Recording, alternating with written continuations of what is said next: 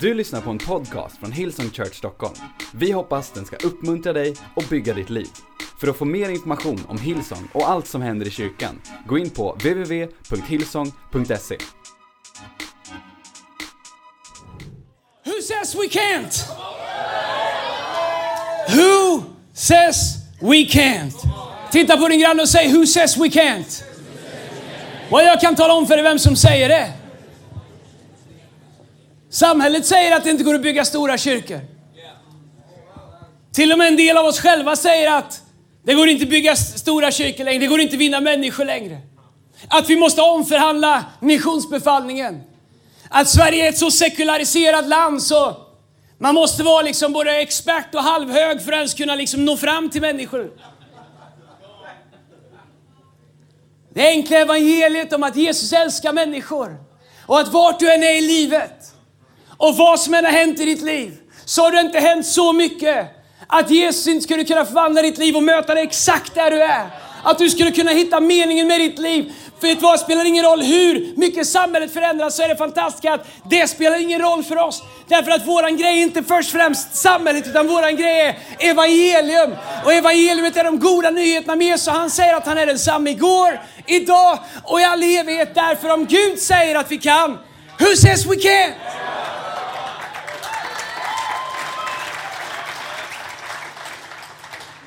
Jag vill varna dig bara redan innan jag börjar min korta predikan som kan bli...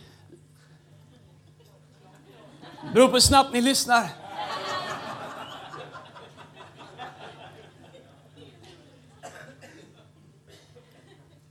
Jag glömde vad jag skulle säga. jo, jag vill varna dig. Revival Nights.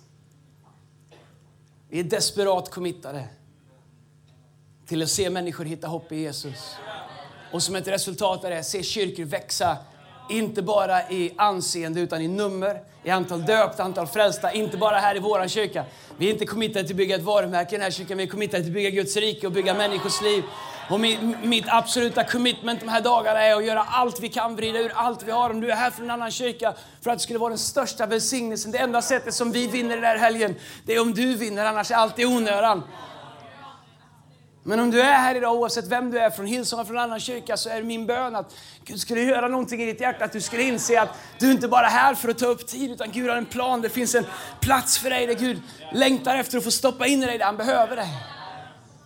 Förlåt Lina, jag fick en, jag fick en julklapp av Lina. Jag är på gränsen till för gammal, men den är grym alltså. Det står med så små bokstäver så jag kan inte läsa det, men jag kan det utan till. Breathe deeper, look higher. Come on somebody. Romarbrevet 8.31. Vad ska vi nu säga om detta? Är Gud för oss? Vem kan då vara emot oss? Om Gud är för oss, who says we can't? Om Gud har sagt det, who says we can't? Vem har sagt till dig att du inte kan bli det du drömmer om? Vem har sagt till dig att Gud inte skulle kunna använda dig så som han har skapat dig till? För en del kanske är en lärare. För en del kanske är en före detta pojkvän eller flickvän. För en del kanske är det spegeln som har sagt det till dig i många år. Men oavsett vem som har sagt att Gud inte skulle kunna göra i dig det han faktiskt har lovat att han ska göra, så är jag här för att berätta för dig att de har ljugit för dig. Och det finns bara en enda sak du behöver göra åt det. Bestämma dig för vem du ska tro. Gud eller de andra.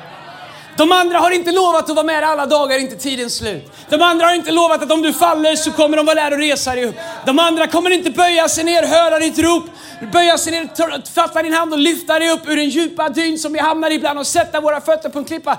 Allt de kommer göra är att tala om för dig varför du inte kan bli det du blir. För om du blir det du drömmer om att bli så skulle du få dem att se fruktansvärt dåliga ut. Och deras passion är att se till att allt blir average. Vad tror du att Gud kan göra? Hebreerbrevet 11 och 1. Om du var på pingstpastor i veckan så känner man att man törs knappt predika över det här igen därför att pastor Irvin predikade så fantastiskt över det här men jag hade redan tänkt predika över det så åtminstone lite i början. Så here we go. Det är Guds ord. Hebreerbrevet 11 och 1. Tron. En övertygelse om det man hoppas. En visshet om ting som man inte ser. Och det är ju underbart. Men vet du, it works both ways. Tron är en övertygelse om det man hoppas. Och du kan vända på det och säga det jag hoppas är en övertygelse om det jag tror. Du kan inte hoppas någonting som du inte tror. Du kommer hoppas på det du tror. Du kommer inte tro en sak och hoppas på något annat. Du kommer tro på det du hoppas och hoppas på det du tror. Därför så är det så jag är övertygad om ju längre jag lever att oavsett om du tror att Gud kan göra det eller om du inte tror att Gud kan göra det så får du rätt. Alla får rätt. Alla får rätt. Om du tror att Gud kan göra det han säger att han kan göra så får du rätt. Om du tror att Gud inte kan göra det han säger att han kan göra så får du också rätt. Därför att det du tror på, det du hoppas på, det du hoppas på är det du får. Andreas, det låter som ett name it and claim it evangelium. Är ni en sån här framgångskyrka? Well, först och främst är vi ingen bakgångskyrka därför Jesus gav inte sitt liv för att ditt liv skulle bli sämre. Men vet du vad? Det är inte en name it and claim it. Det kallas evangelium. Att Gud kom för att göra det bättre. När vi inte kunde lyfta oss själva i håret och många av oss har inget att hålla i längre. Men när, Gud, när vi inte kunde lyfta oss själva i håret sa Gud, lita på mig. Kasta era bördor på mig. Sätt er förhoppning till mig, sätt er tro till mig. Abraham säger i Son om Abraham i Romarbrevet 4 och 17 att när allt hopp var ute så hoppades han ändå. Därför var han rättfärdig. Vår tro är byggd på det vi tror är möjligt. Det som är möjligt behöver inte vara vad vi har sett. Jag har inte sett Sverige förvandlat, men jag tror att Sverige kan bli förvandlat. Men jag har sett en Gud som kan förvandla. Och om Gud kan förvandla så finns det inget som han inte kan förvandla.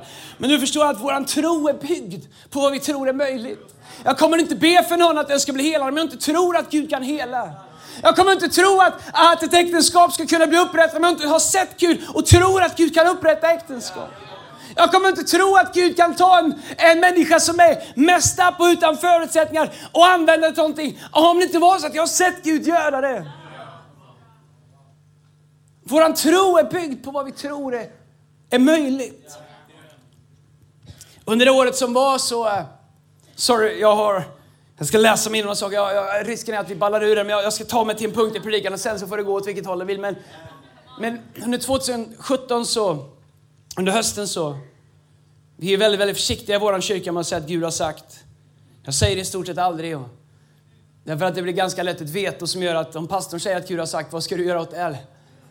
Och vi tror att Gud talar till alla människor, men det betyder inte att Gud inte talar. Jag upplevde att Gud la i mitt hjärta en kallelse för mig och för vår kyrka. Jag upplevde att Gud, att Gud kallar oss till att bygga en kyrka som förvandlar en nation. Jag är inte säker på att jag fullt ut vet exakt vad det betyder, men jag upplever att det är en kallelse som vår kyrka har. Och I höstas så skiftade så mycket i mitt liv från att bara fundera på hur vi kan få lite fler människor i någon av våra campusar till att fundera på Gud, vad ska vi göra med det här? Gud, vad vill du att vi ska göra? Vad är vårt ansvar för vårt land? Därför att om du är utifrån och tittar in så kanske det ser ut som Hillsong det, det, det och Hillsong det och Hillsong det. Men ju längre in du kommer i Hillsong, ju mer inser du att vi är de som bryr oss minst om loggan. Vi är stolta över vad Gud har gjort. Det arv och det förtroende som vi har från pastor Barney Bobby. Men det, det som upptar oss är, hur, hur ska det här landet kunna bli annorlunda? Och när Gud öppnade en väg för oss i, i höstas till att växa i Jönköping, Örebro och, och, och Göteborg och, så, så var det inte någonting som vi någonsin hade tänkt. Jag hade en börda för Göteborg och fick Jönköping och Örebro på köpet. Gud sa du, du, du känner för lite och för sakta, jag får skynda på lite. Därför att vi upplever att Gud kallar oss till att bygga en kyrka som förvandlar nation. Inte som att vi är de enda som Gud vill använda, men vi känner att vi har ett ansvar att göra det som Gud har kallat oss till att göra. På nyårsafton så hade jag influensan. Föda barn är ingenting mot en man som har influensa. Det är inte ens ett skämt. Där låg jag utan epidural eller lustgas eller allt som ni får när ni ligger och känner er dåliga. Sköterskor och män som ju sköter om mig. Jag låg själv där. Min fru tog barnen och stack på fest. Där låg jag och min enögda hund Spike och väntade på att juniorkronorna skulle spela klockan två på natten. Jag kan erkänna sådär, det gick bra. Först var det skönt. Jag tänkte, vilken win det här blev. Joggingbyxor, någon ost och lite korv och fjärrkontrollen för mig själv och inga unga som bråkade och en hund som tiggde. Det var väl det enda som var lite sådär. Men tänkte jag var uppe och kollade på matchen. Jag var rätt sjuk. Jag hade predikat med full med... Jag, kan, jag hade predikat på förmiddagen. Jag hade fått massa tabletter av min läkare som jag inte törs tänka på vad det var, men det gjorde att jag tog mig igenom förmiddagen, men sen kraschade jag på eftermiddagen. Med. Så börjar klockan bli halv tolv och jag tycker lite synd om mig själv. Bara se alla bilder komma upp på Instagram. Ni vet så här som när man är pastor och tycker att man haft en bra söndag till man börjar kolla på Instagram. Phil Dooley, han hade tre miljoner människor den här söndagen igen. Kapstaden. USA, starta en campus, landa en raket på månen. Samma söndag kom 15 000 nya besökare. Alla kom i Chrysler Voyager och välde ut ungar ur allihopa. Då tappar man glädjen över alla. Att det kom tio nya i södra den här söndagen.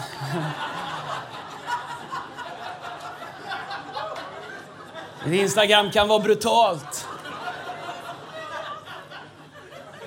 Eller när du är ung tonåring, du är barn och du tycker att du fick bra leks julklappar. Förr vet när jag fick julklappar, då visste man inte vad någon annan fick, så man var ju glad ända till skolan började, tills man fick höra. Nu vet du så här, först får du julklapp, sen tar du kort på en läxa, börjar kolla på de andra fick och helt plötsligt så är det ett, ett jämförelsegame med vad man fick i julklapp. Det är så vi lever. Och jag satt där och kollade på Instagram och min fru var hemma hos Henry och Jennifer och Mackan och Mallen var där och Cummings var där och alla var där. De var så himla glada och så himla snygga. Och Så dessert och... Jag hörde att de provlagade middagen minst fyra gånger innan festen och att den var liksom ordentligt. Och där satt jag med min korv var slut, osten luktade illa. Det var två och en halv timme kvar till juniorkronorna skulle spela. Inte ens Spike var intresserad av nyårsfirandet. Och... Det är synd om mig själv. Kan göra det ibland. Så började jag tänka på att vi bygger en kyrka som förvandlar en nation. Jag känner mig ännu sämre. Det är sant. Man bara tänkte, vad är det här? Ett himla, du vet så här. Är det ens något liksom? Nej, jag, jag, jag, jag, spär, jag, min spiral gick fort ner alltså. Lina hade inte hört av sig på hela kvällen undrat hur jag hade det. Jag tänkte jag skulle vänta så hon, jag tänkte så här, hon måste, någon gång måste hon komma på att hennes halvt döende man ligger hemma. Åtminstone fråga hur jag har, om jag har, du vet så här. Till slut hörde jag av mig. Hallå? Hoppas ni har kul.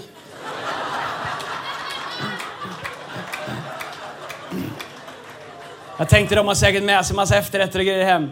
Inte en efterrätt hade de med sig hem. Inte en så, inte, inte ett chips hade de med sig hem. Inte en dipp, inte en ostbåge, inte en salta pinna, inte en no Inget hade de med sig hem. Och jag var ändå vaken när de kom för juniorkronorna skulle spela klockan två.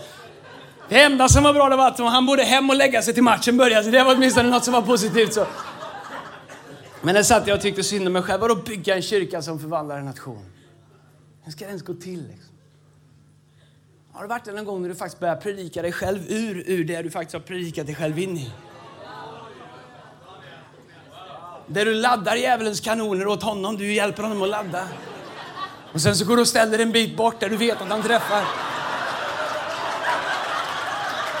Och väntar på att han ska skjuta på dig. Helt, helt, helt schizofrent. När första kulan kommer så springer man fram och laddar igen och ställer sig igen. Jag dog inte helt, prova igen. Och jag satt där och tänkte, hur ska det ens gå till? Jag tänkte på skillnaden mellan vad vi drömmer om för kyrkan i Sverige. Inte för Hillsong, men för kyrkan i Sverige. Och vad som ser rimligt ut. De säger att en kyrka i veckan läggs ner. De har sagt sen vi startade vår kyrka, Andreas, det där kommer aldrig hålla. Folk kommer tröttna på det dunka-dunkat. Ungdomarna kommer bli vuxna. Hej, jag, jag har bättre argument än dig om du tror att det här inte kommer funka. Men det är inte att ungdomarna blir vuxna, för det kommer nya. Därför att du förstår, när ungdomarna blir äldre så kommer de på vad man får göra när man är gift och sen så kommer det nya ungdomar. Så det, det är inte det största problemet. Det är inte så liksom att att det inte brinner i kyrkan på alla möjliga sätt här utan, så det är inte det största. Det finns, men det finns riktigt andra utmaningar som gör att vår kyrka kanske... Men... När man börjar stapla upp varför det här inte ska gå, så ser det otroligt logiskt ut så ser argumenten för varför man inte skulle kunna bygga en kyrka som förvandlar nation otroligt logiska ut. När du sitter med ditt äktenskap som är trasigt eller du sitter med ditt företag som vill gå omkull eller du sitter med det och du staplar upp de logiska argumenten för, för varför det här inte ska gå så ser det väldigt verkligt ut. Jobb säger att han hade han trodde att han hade sett Gud innan men han hade inte riktigt sett honom förrän han hade sett Guds trofasthet när han trodde att allt hopp var ute. Då sa han innan, hade jag bara hört om det men nu har jag sett det. Jag satt där och Tack gode Gud för den helige Ande. Tack gode, underbara, kära Jesus för att han inte lämnar oss ensamma. Han sa att jag ska ge er hjälpare. Det behövs inget så här peptalk. Man behöver liksom inte Tony Robbins surfa in på honom eh, i vet, tio minuter. Vilket för övrigt kostar 10 000 dollar. Men man behöver inte, man behöver liksom inte, därför att vi har den helige Ande, hjälparen, han är hos oss alltid. Han är hos oss när vi tjänar Gud, han är hos mig när jag predikar, men han är också hos mig i soffan halv tolv på nyårsafton när jag tycker synd om mig själv. Så är han där också, han är hjälparen. Jesus sa han ska vara hos er, alltid. Alltid är han hos oss. Alltid är han med oss. När vi kan välja på, genom honom utrymme välja på att lyssna på honom. Alltid är han hos dig. Här idag du känner Gud jag längtar efter dig. Hej, du behöver inte längta, han är här.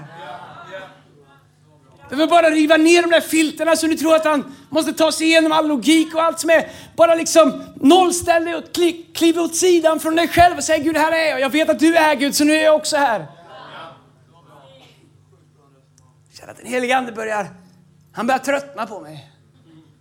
Mitt pity party. Hade jag hållit på lite till så hade jag skrivit världens bästa countrylåt. Vet ni vad som händer om man kör en countrylåt baklänges? Frugan kommer tillbaks, hunden vaknar till liv igen och pickup-trucken startar.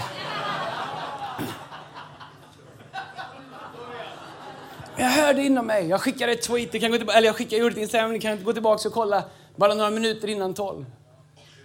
Jag hörde den helige Ande säga inom mig. Who says we can't? När jag började stapla mina argument för varför det inte skulle gå så upplevde jag att den helige Ande frågade vem är det som säger att det inte går? Och först så började jag, men du förstår, det är, det är, du vet, man för en konversation som man knappt är medveten om att man för. Nej, men det är det och det är det och det är det och det. Och varje gång jag liksom tänkte ett argument så var det som att den helige Ande sa en gång till, Who says we can't? Och han sa inte, Who says you can? You can't. Han sa, Who says we can? Därför att det inte ger någon människa, någon människa styrka eller kraft eller utseende eller talang eller begåvning eller connections eller, eller tillgångar ska det ske. Utan genom min ande säger Herren. Jag upplevde av heliga Ande Who says we can't? Större är han som är i oss än allt som är emot oss. Han som börjar ett gott verk i oss, han är rättfärdig och trofast och fullbordare även inte Kristi dag. Who says we can't? Säg min terapeut säger att vi inte kan, men den helige Ande säger att det är aldrig över. Förrän vi säger att det är över.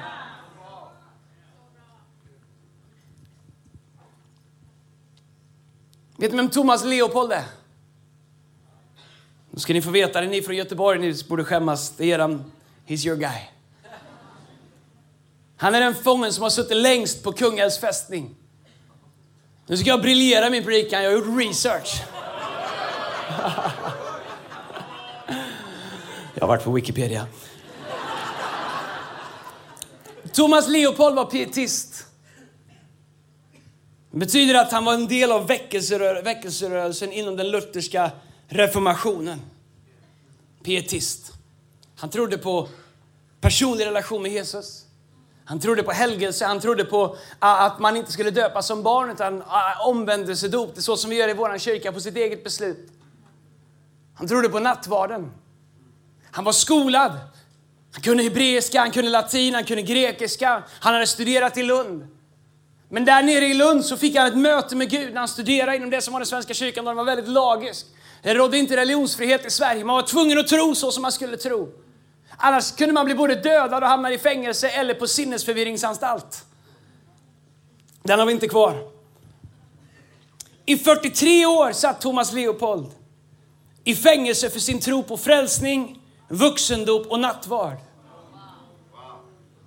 Kyrkan var vansinnig på honom. alltså överheten, kyrkan, och krävde att han skulle acceptera barndopet, men han kunde inte det eftersom han hade haft ett personligt möte med Jesus. Thomas trodde på det personliga mötet med Jesus och dopet som en konsekvens eftersom han själv hade fått uppleva det. Och det gjorde Svenska kyrkan på den tiden absolut vansinnig.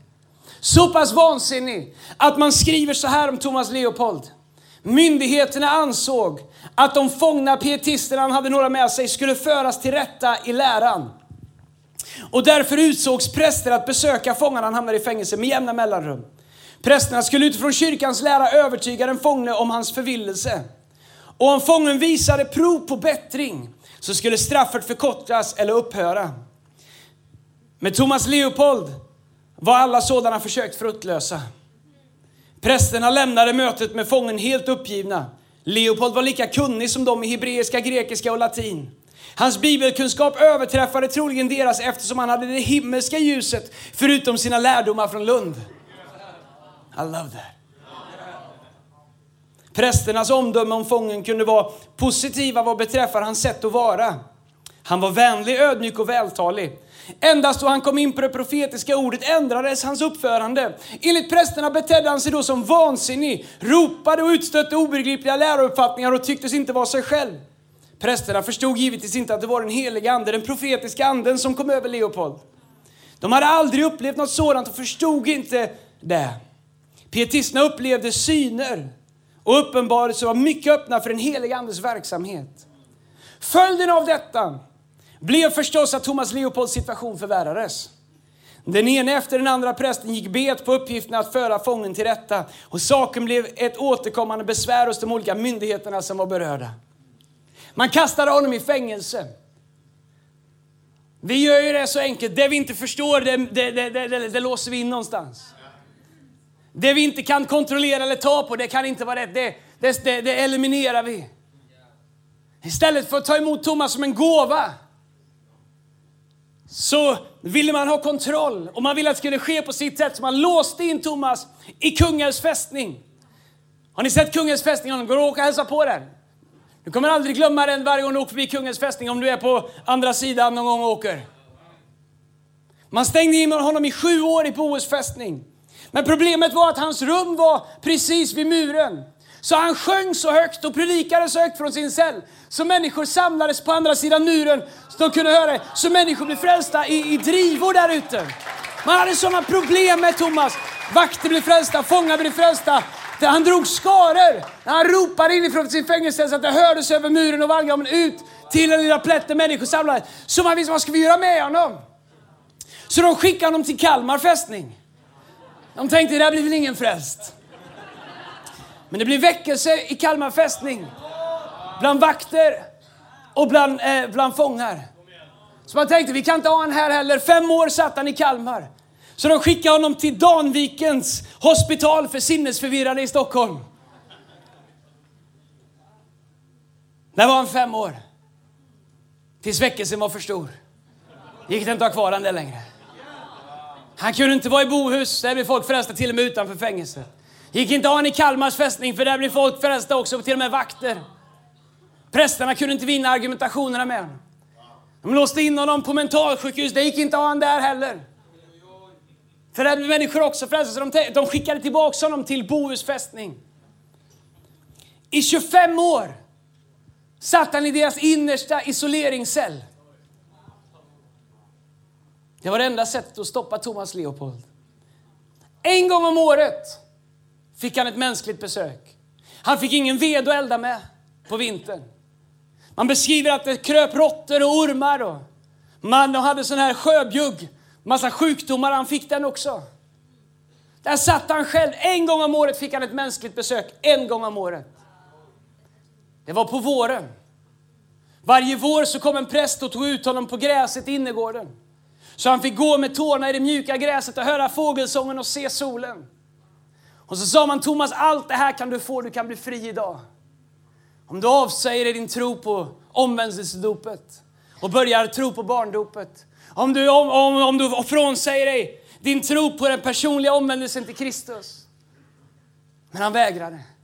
I 23 år, en gång om året, kom en präst, tog ut honom, frestade honom med omvärlden och sa Thomas, ska du inte omvända dig? Ska du inte bli som oss? Han sa, jag kan inte. Jag kan inte, sa han.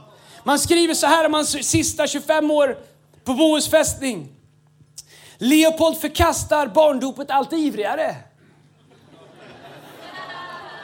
Jag kan känna ett visst släktskap med Leopold alltså. Jag gillar honom. Han ropar högt ut sina kätterska meningar så att folket utanför ska höra och lyssna. Leopolds mission över muren, nu pratar han om de första fem åren. Leopolds mission över muren blev för mycket för prästerskapet i Kungälv. För att inte sången och förkunnelsen från den farliga fången skulle nå utanför muren blev han placerad på en enslig plats i fästningen. Åren gick på Bohus fästning, lidandet var ohyggligt. Rutinen bröts dock en gång om året. När våren kom, träden började knoppas och fåglarna sjöng ut i fästningsparken. Då fick han under några korta minuter känna på friheten. Leopold, hör du fåglarna, sa man. Känner du doften av våren? Avsäg dig dina tokiga religionsidéer och återvänd till Svenska kyrkans trygga lära. Och du är en fri man. Men Leopold var obeveklig. Men varje gång svarade Thomas Leopold lågmält att han lovat vara sin mästare Jesus Kristus trogen in till änden.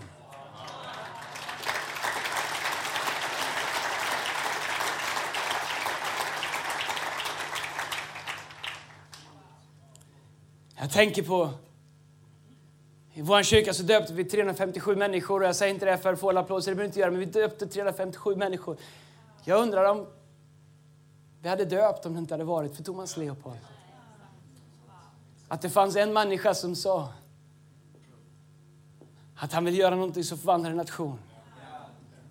Att det fanns en man som sa Who says we can't? Att det fanns en man som en gång om året fick nyckeln till friheten och ta en bara lite enklare väg. Han kunde ha hållit kvar sin tro, men han kunde sagt jag tar bara en lite enklare väg. Jag gör bara något som är lite mindre. Jag drar mig tillbaks lite mer. Jag bara liksom förhandlar lite mer om mitt commitment. Jag bara förhandlar ner mitt, mitt, mitt överlåtelse lite, lite grann. Ja, jag förhandlar bort mitt vittnesbörd lite grann. Jag förhandlar bort mitt givande lite grann. Jag, jag, jag, jag bara drar det tillbaks det. Jag bara låter dem tro det, men jag vet i mitt hjärta. Men han, han säger, jag, jag har lovat min mästare att vara trogen in till änden. Hans möte med Jesus gav honom ett löfte som var djupare än hela världens omständigheter och prövningar. Who says we can't?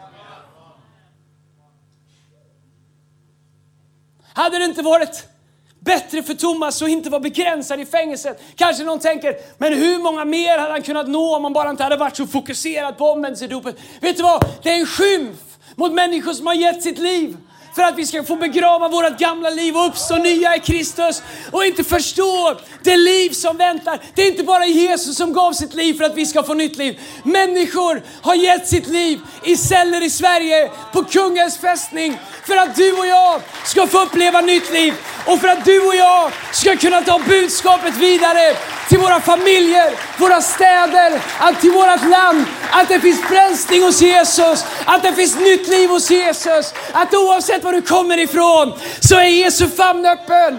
Vi kan inte förhandla bort någonting när vi vet att människor av kött och blod var villiga att sitta 43 år utan mänsklig närvaro. Då är det inte synd om mig på nyårsafton. Patetiskt. Men vet du vad, det är inte synd om dig heller. För ingen av er har permission från kungens fästning. Ingen av er har sjömjugg. Vad är det säger du? Jag är inte helt säker heller. Men det låter illa.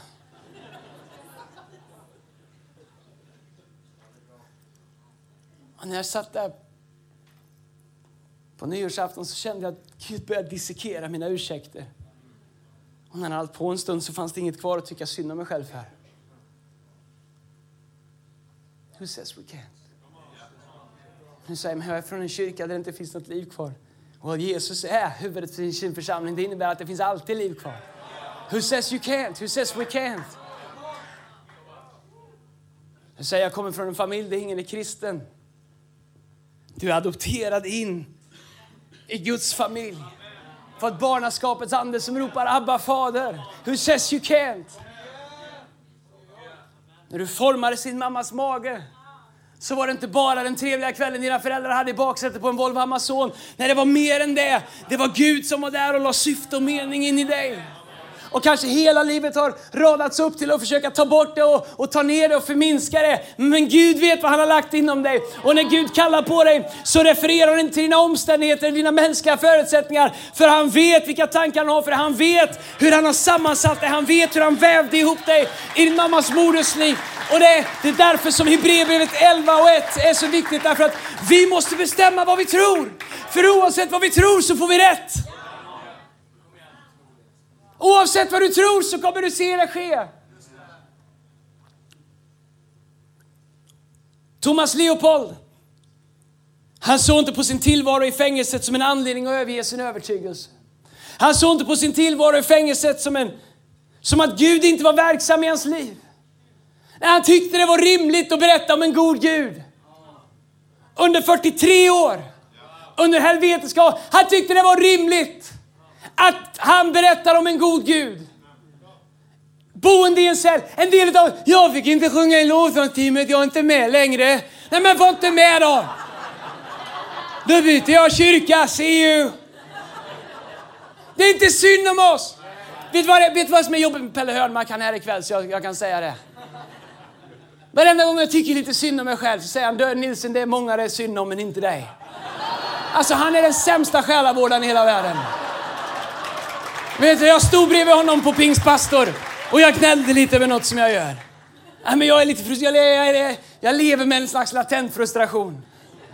Det är det, jag behöver den för att ta mig framåt. Jag la han armen om och sa, du Nilsen, det är många som behöver mycket bekräftelse men du är inte en av dem. Nej.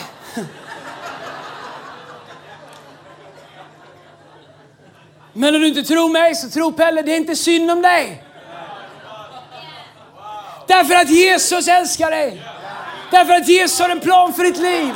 Därför att oavsett hur ditt liv började så säger Gud att han inte är färdig med dig. Han har inte tagit dig så här långt för att lämna dig eller överge dig eller ge upp på dig. Han har inte stängt sin famn. Han har inte slutat att tro på sin egen skapelse. Han är vad han säger att han är. Det är inte synd om dig. Men vi har ett ansvar. Revival nights, vad är ens det? Väckelse, det är inte när det kommer en mäktig våg, en mäktig vind. Det är inte när du hamnar under ett vattenfall där du vill bo. Det är inte när en boll, som en boll kommer jag tillbaka till det. Det är inte allt det här. Väckelse är när Gud får göra i oss det vi behöver för att sluta tycka synd om oss själva. Lyfta blicken och se att redan nu är skörden mogen. Inte om fyra månader, inte om sex månader, inte när du har fått ditt nästa bönesvar. Nu behöver din granne höra att det finns hopp för hans äktenskap. Idag behöver din vän höra att Gud kan hela hans hjärta. Idag behöver någon höra att det finns en famn att fly in i.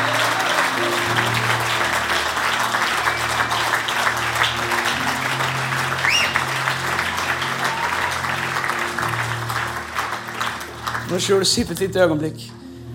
Jag har inte gjort hela det utkastet för er att bestämma när eftermötet börjar.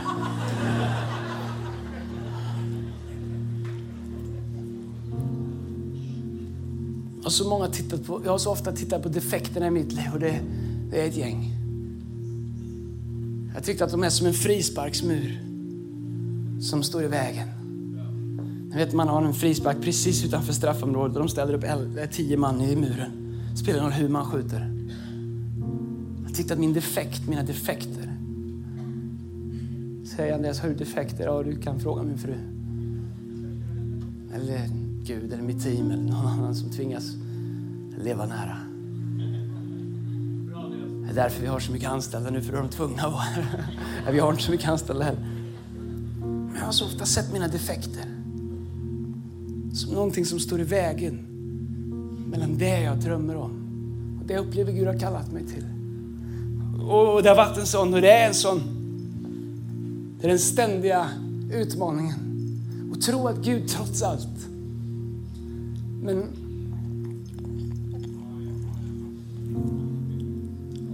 Vi tror att defekten i våra liv hindrar Gud från att använda oss. Men vet du vad jag har upptäckt? Defekten är effekten.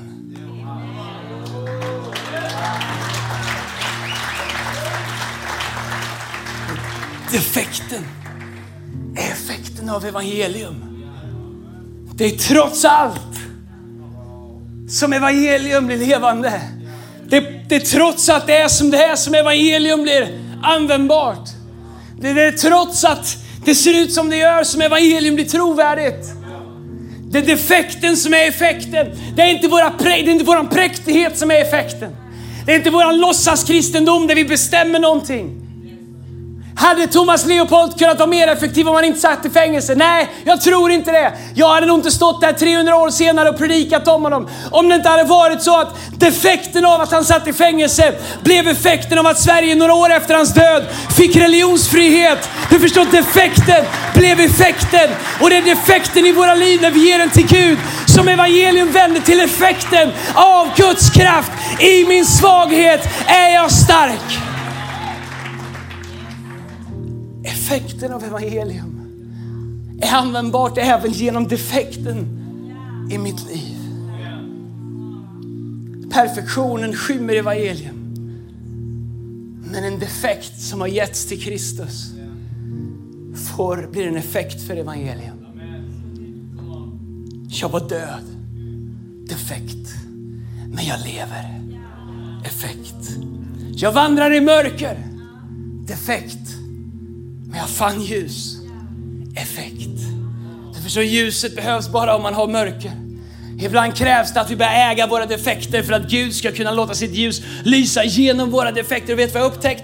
När defekten inte längre blöder eller något jag gömmer bakom utan det är något som Gud har fått. När evangelium börjar lysa genom defekten så är det som att defekten ibland målar en bild av som när man när liksom som en lada som är glest panelad. När solen ligger på och strålarna sipprar igenom panelen och man ser dammet och man ser solstrålarna genom panelen. Så är det också i våra liv när Guds ljus lyser igenom defekten i våra liv. Man kan se evangelium genom den. Inte som en ursäkt för att fortsätta leva i synd eller nederlag. Men som en vetskap av att han som börjat gott verk i mig, han är inte färdig med mig. Och evangelium verkar i mig. Defekten är effekten. Gud vill använda det som världen säger är defekt för att visa världen sin skönhet. Gud vill använda det som vi säger är ett defekt för att visa His beauty.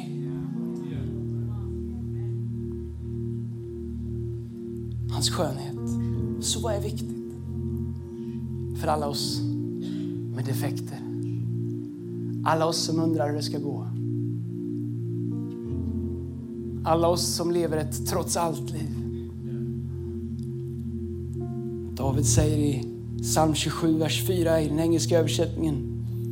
One thing, one thing I ask from the Lord. This only do I seek. That I may dwell in the house of the Lord all the days of my life. To gaze on the beauty of the Lord and to seek him in his temple. For in the day of trouble, he will keep me safe in his dwelling. He will hide me in his shelter of his sacred tent and set me high up on a rock. David säger one thing. Svenska översättningen säger ett har jag begärt. Come on. Ett har jag begärt.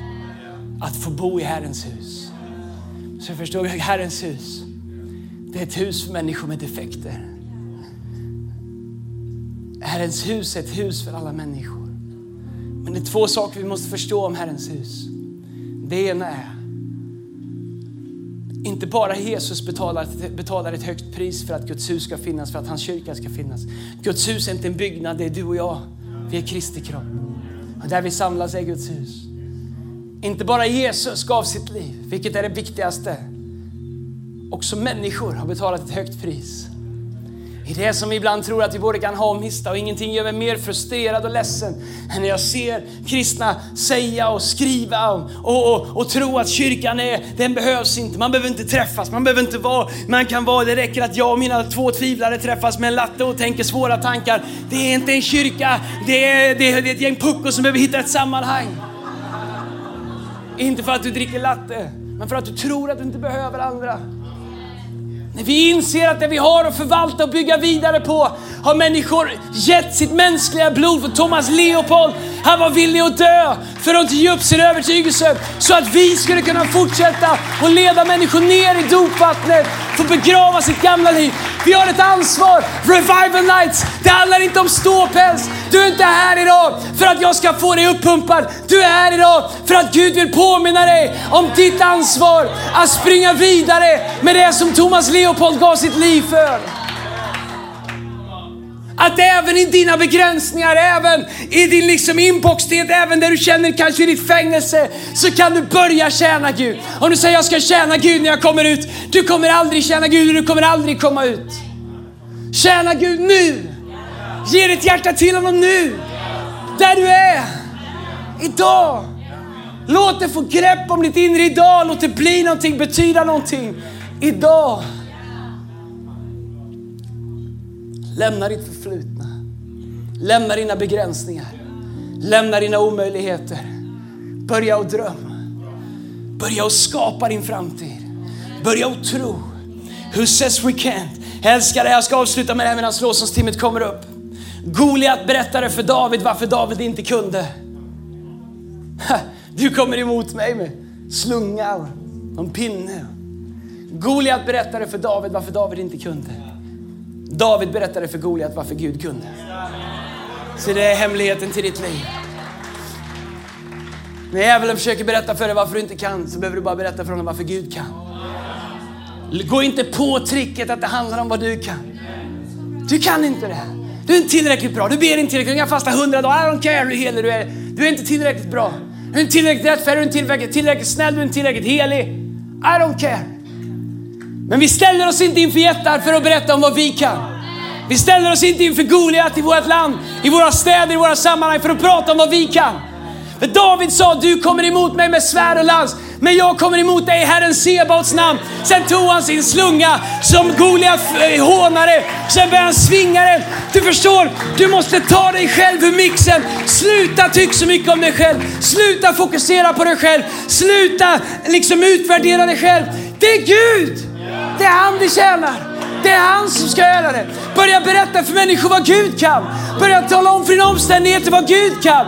Börja tala om för din situation vad Gud kan. Börja berätta om dig själv vad Gud kan. Börja säga till dig själv vad Gud kan. Du säger, du kommer emot mig med sjukdom, men jag kommer emot mig med dig med Herren Sebaots namn.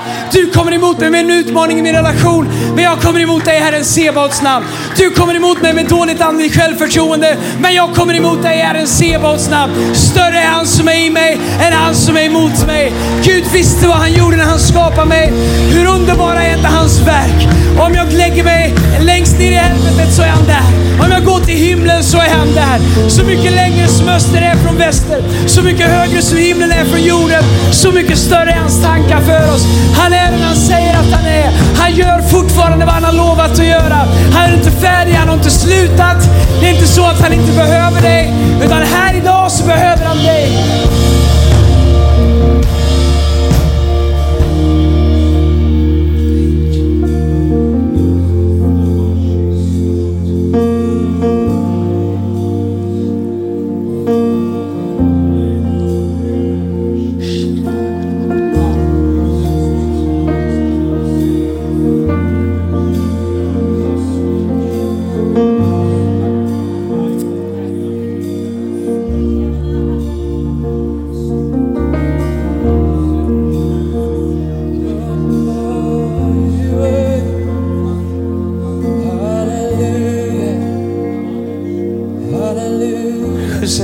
livet.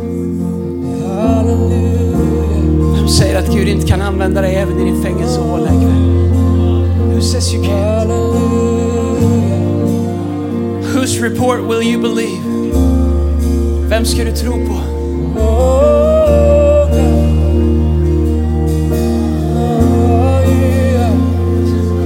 Ska du lyssna på Goliat som talar om för dig allt du saknar?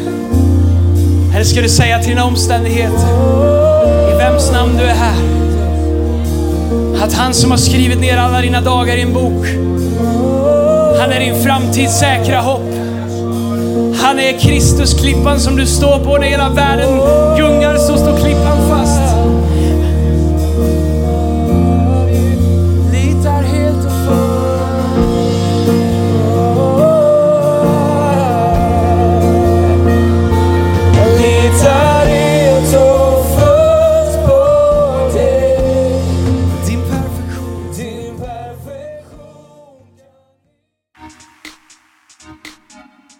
Lyssnat till en podcast från Hillsong Church Stockholm. Om du vill veta mer om vår kyrka eller om våra söndagsmöten, surfa in på www.hillsong.se.